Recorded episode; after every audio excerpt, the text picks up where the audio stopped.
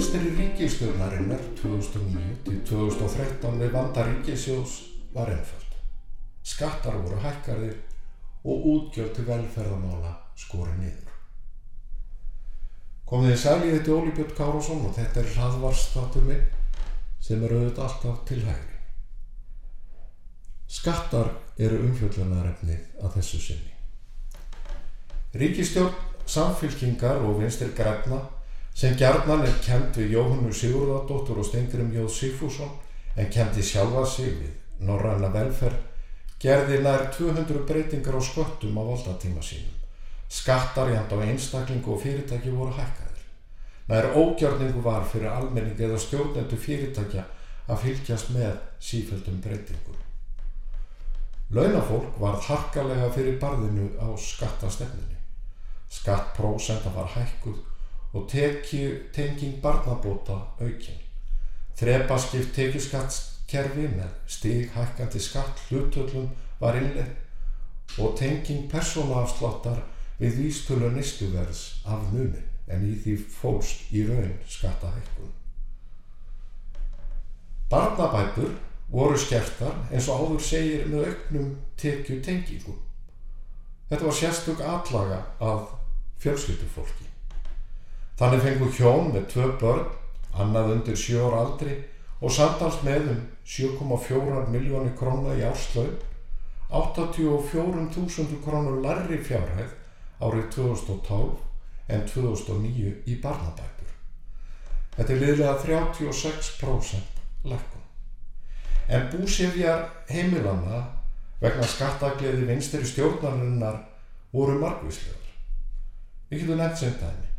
Heimil til frádráttar yðgjálta frá tekjuskastofni vegna viðbótar lífeyrisbarnaða var 2% í stað 4% árið 2012-14.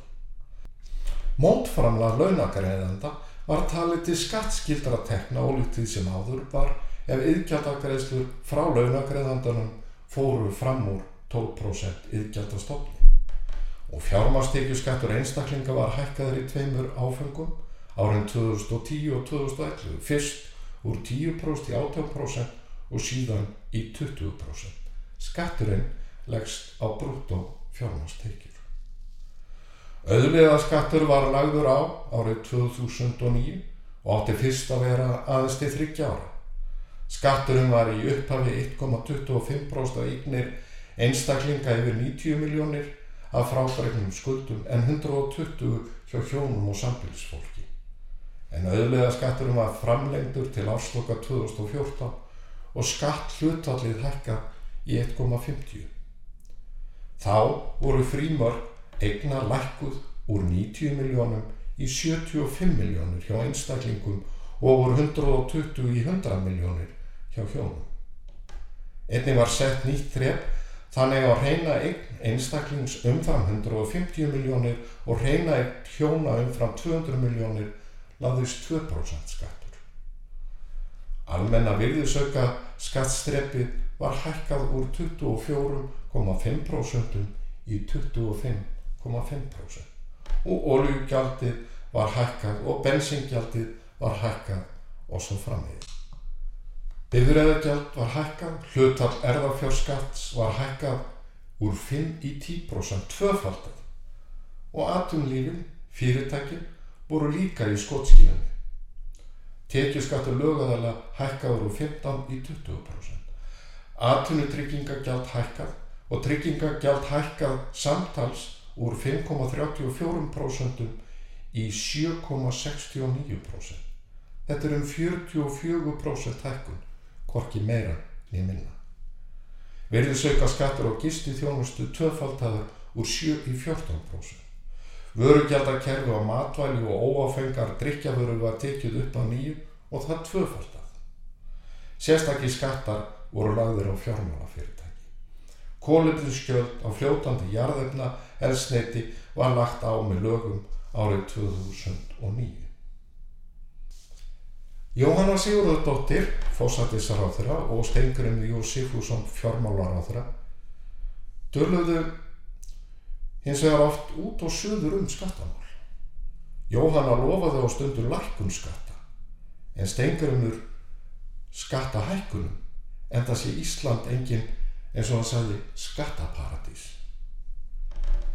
Í umræðum á alþingi í mars 2011 brást Jóhanna illa við gaggrinni Ólafar heitinar Nordal, var að forma sjálfstæðisflokksins, vegna yfirlýsinga um stór aukna skatta á einstaklinga. Jóhanna mótmælti þessu harlega og lofaði lækkum skatta. Hún sagði, hvað hefur það komið fram? Ég hef bara hvergi séð það. Það er þvert á móti unni að því í kjærasamningum að lækka skatta gegnum persónaafsláttin á einstaklinga. Það rekst hvað á annars hotni þessar umræðu hjá stjórnaranarstöðinni sem heldur yfirlega fram allt og miklu fleipri. Í tíð vinstri stjórnarinnar fengu hugmyndir um sérstakann ofurskatt á tekjur einstaklinga byr undir vangi enda af sama meði og skoðanir stengir um sjóð um að Ísland eigi ekki að vera skattaparadís. Lilja Mósestóttir, þá þingmaður vinstir í græna, lagði til að tekið er því upp nýtt skattrið 60-70% skattur og tekjur yfir eina miljón á mánuði. Ögmundur Jónasson þá innaríkisráð þar að lísti stuðningi við þessa hugmynd Lilju. Síðar tatti Lilja rétt að miða ofur skattrepið en svo hún kallaða við 1,3 miljónir í mánuðan.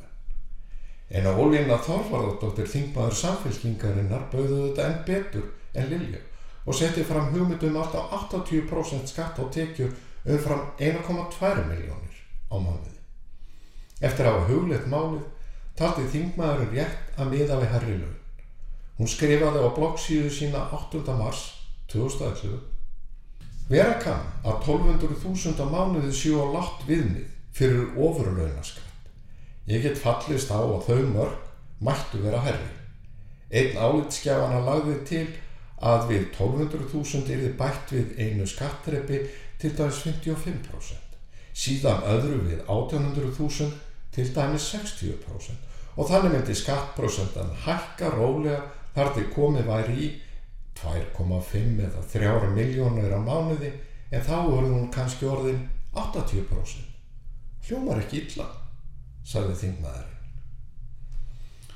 Gríðanlegar hækkanir skatta á fyrirtæki og heimili voru réttlættar með vísun til mikis hallarægstur ríkisjós í kjálfar falsbankana og alvarlegurar efnahagskreppu.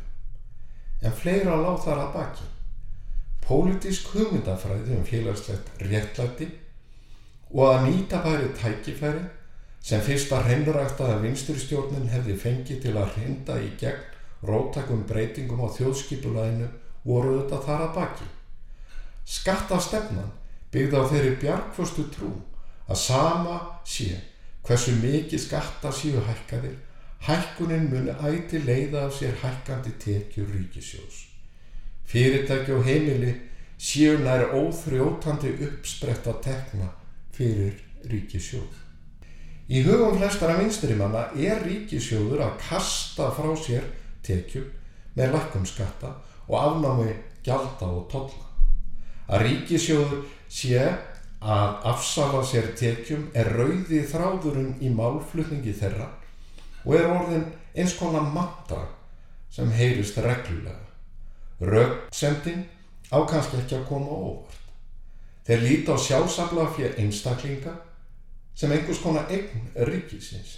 Ríkið á allt það sem einstaklingurinn aflar og ríkið afsala sér því sem hann heldur eftir þar að segja einstaklingurinn þegar búið er að greiða skatta.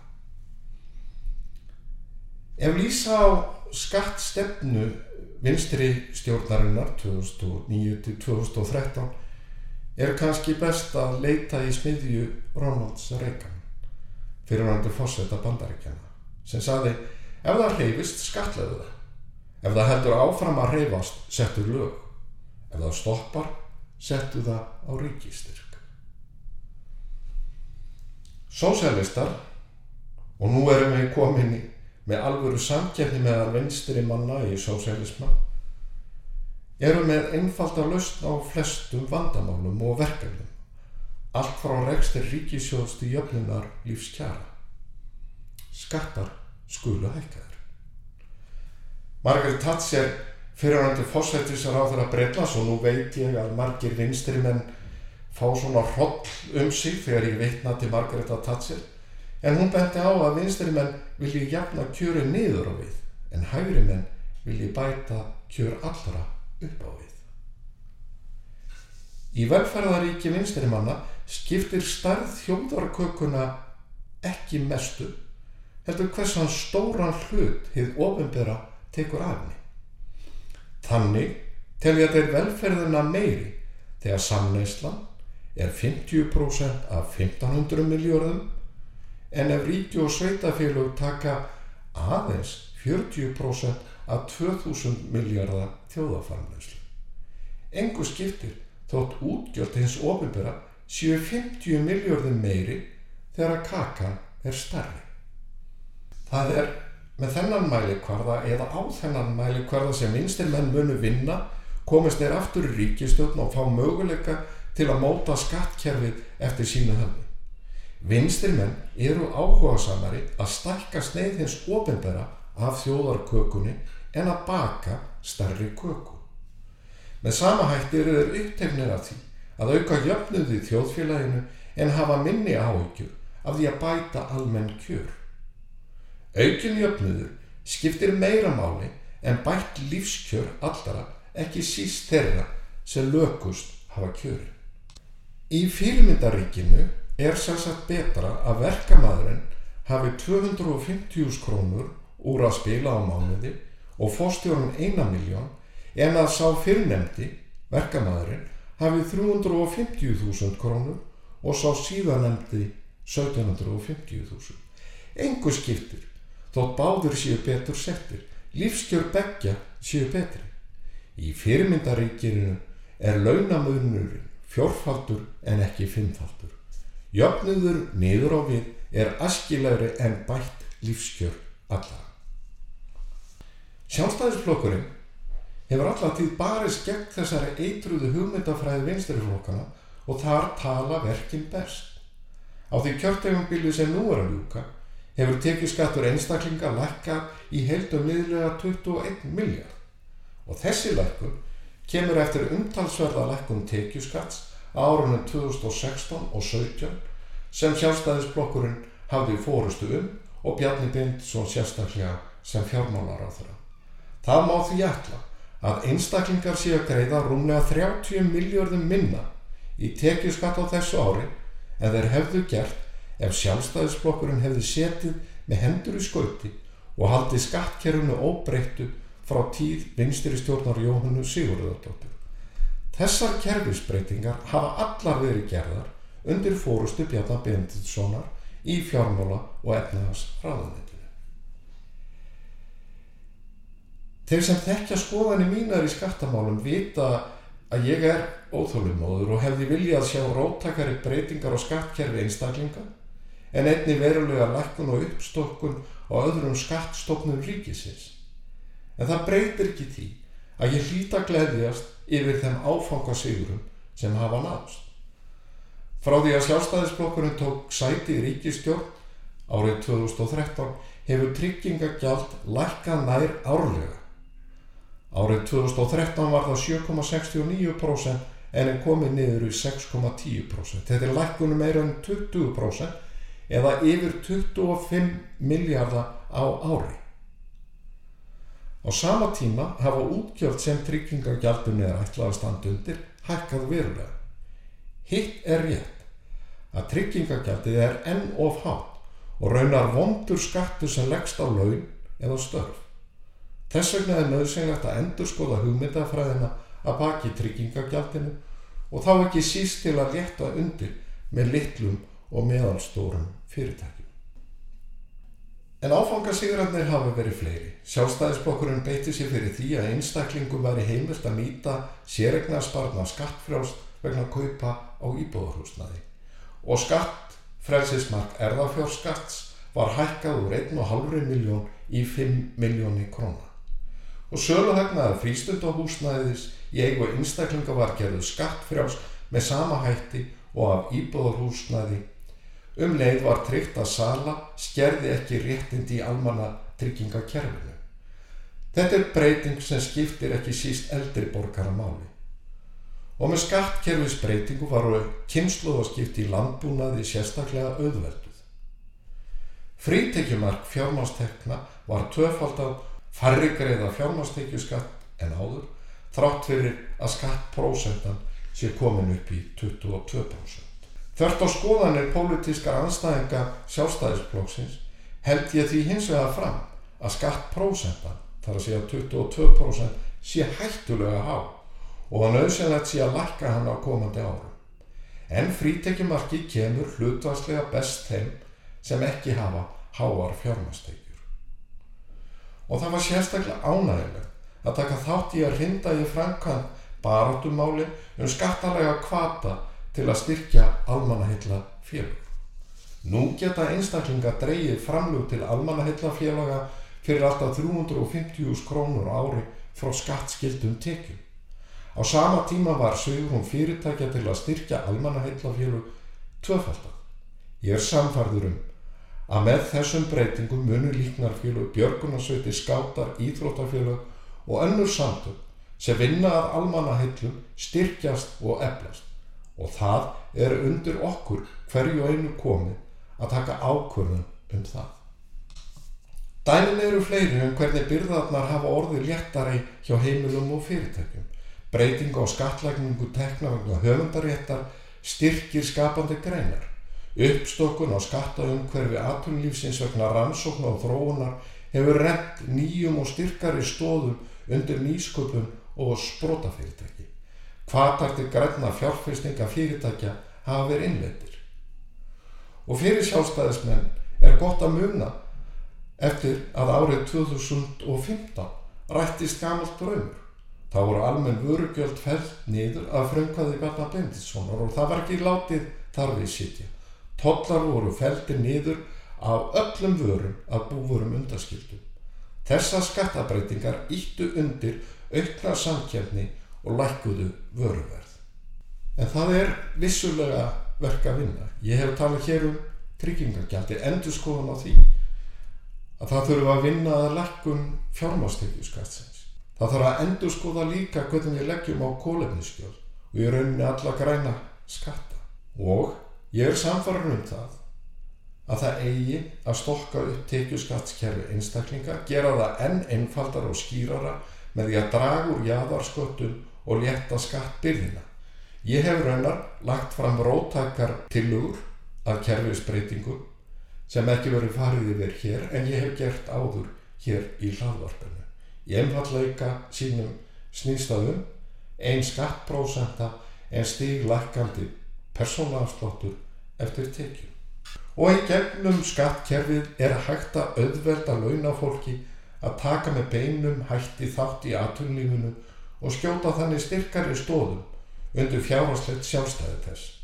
En þó mörg verkefni séu enn óunnin á sviði skattamála stendur svo staðurind óhögguð skiptir engu hvernig meistarar villandi upplýsingamatriða að álögur á einstaklingu og fyrirtæki eru 20 miljardar larri á þessu ári en þar hefðu orðið með óbreyttum leikareglum vinstri stjórnarinnar.